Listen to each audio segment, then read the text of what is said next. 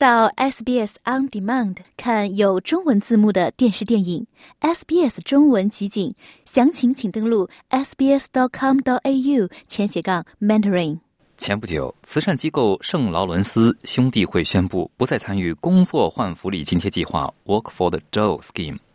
称该计划不符合失业者的最佳利益。我邀请华人服务社社工邓女士聊一聊工作换福利津贴计划的详细内容。于是，我特别想请您先给我们介绍一下哈，就是工作换福利津贴计划，我把它翻译为哈叫 Work for the Dough Scheme，这是一项什么样的计划？您能给我们大致介绍一下吗？工作换福利津贴计划呢，是一个针对十八岁及以上，并且获得澳大利亚劳动力机构 Workforce Australia 帮助寻工者们提供工作体验的一个计划。计划由联邦政府在一九九七年开始试点，在一九九八年正式实施的。通过该计划，寻工者不仅能够就是获得展示自己能力。为当地社区做出贡献的一个渠道，并且能够获得培养技能提升的一个机会，以及帮助他们寻找到一个稳定工作的一个机会来的。通常呢，这一个啊工作换福利津贴计划呢，是需要寻工者参与到一些工作类似相关的一个活动之中，而这一些活动呢，一般是由非营利组织、慈善机构或者是当地政府州。及领地的一些啊，澳大利亚政府部门或者组织，以及是盈利组织的非盈利部门提供进行举办的，是不是？我可以理解为，只要是寻工者就可以申请这个工作换福利津贴计划呢？啊，那其实并不是的。就是如果呢要去嗯参与到该计划之中呢，参与者呢是需要年满十八岁及以上，并且获得收入支持，比如说像寻工津贴 （Job Seeker Payment），并且通过转介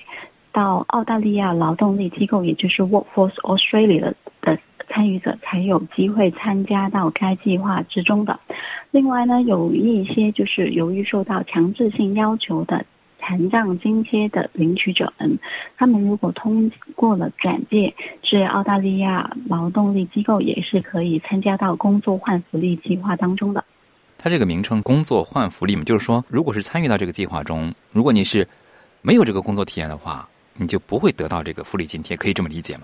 可以是这么理解的。就比方说，如果他并没有就是参与到这一个计划之中，啊，没有完成一些相关的一些活动要求，那么他是没有办法就是在嗯 Centerlink 那一边就是继续领取到他的一些收入性福利的。我看到哈，这个新闻中提到哈，个别的这个慈善机构认为哈，不符合失业者的最佳利益，因为呢，其中一点就是说，该计划呢要求。求助者遵循双方的义务协议。一般来说，需要遵守的义务协议主要有哪些呢？它其实是指呢，福利津贴的领取者呢，在。福利部，也就是我们俗称的 Centerlink 那一边领取津贴福利的时候，同时他们要同意完成相关的任务还有活动的，以满足他们领取福利金的一个要求。比方说，像 Job Seeker Payment 寻工津贴的领取者们，他们需要满足与工作提供商，就是比方说像 Workforce Australia，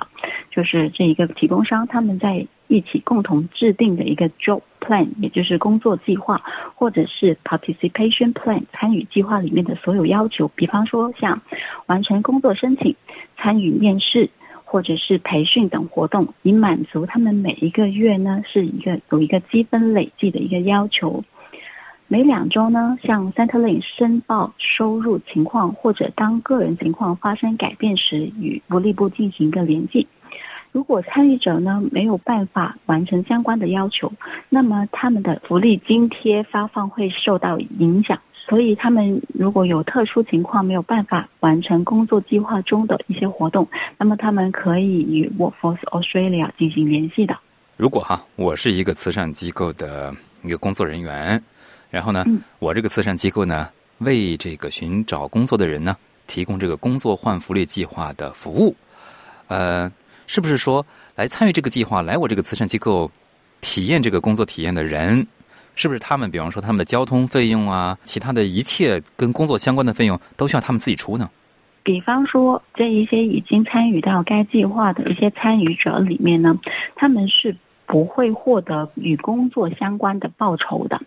但是呢。就是参与者在参与这一些活动期间呢，就是符合申请资格的话呢，他们将获得每两周二十点八澳元的一些关于已经批准了工作计划的一个补助金，以帮助他们就是减少一些参与活动的一些费用。但是计划里面，他们参与这些活动呢，就是从性质上面来说，他们并不是在参与到一份工作，跟一般的一些啊工作人员他们获得就是薪酬的性质来说是不一样的。他们只是通过参与该活动，以换取他们继续领取到福利津贴的一个资格，这样子。一般来说，就是说，在这个工作换福利津贴计划之下，作为这个申请者和参与者，参与的工作主要有哪些呢？主要来说呢，这一些呃活动呢分为两个类型，一个叫 Work for the Door Placements，另外一个呢是 Work for the Door Projects，可以就是理解为就是前一个嗯类型呢，它是指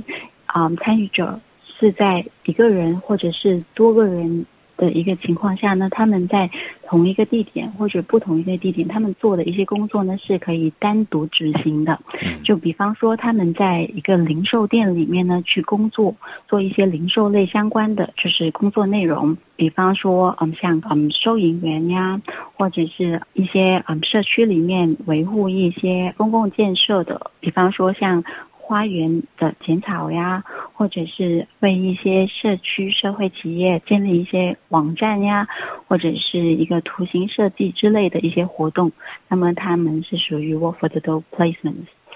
然后另外的一种啊，就是活动类型呢，就是参与者呢是以一个团队的一个模式参与到与工作类似相关的一些体验活动之中的，就是他们是以作为一个团队去进行一个工作交付的一个行为，比方说他们是共同去建造一些社区里面的一些。公共设施，嗯，像建造一些烧烤类的一些设施呀，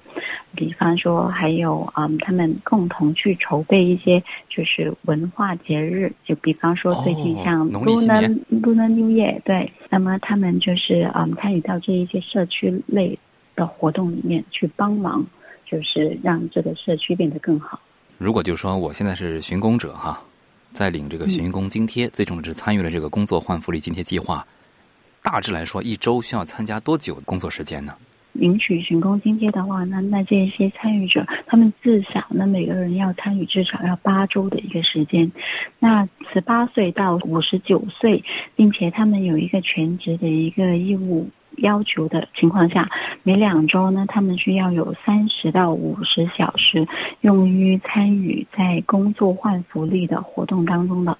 对于六十周岁或以上的个人，他们具有兼职义务的情况下，那他们是每两周需要有十五到三十小时用于这一个工作换福利的活动之中。非常感谢雨师给我们的分享和介绍啊，不客气。想在 SBS 当一回影评人吗？SBS On Demand 正在推送配有中文字幕的热门影视作品，您只需观看一部或以上影视作品，并把影评观后感发给我们，就有机会赢得一份 SBS 精美礼品。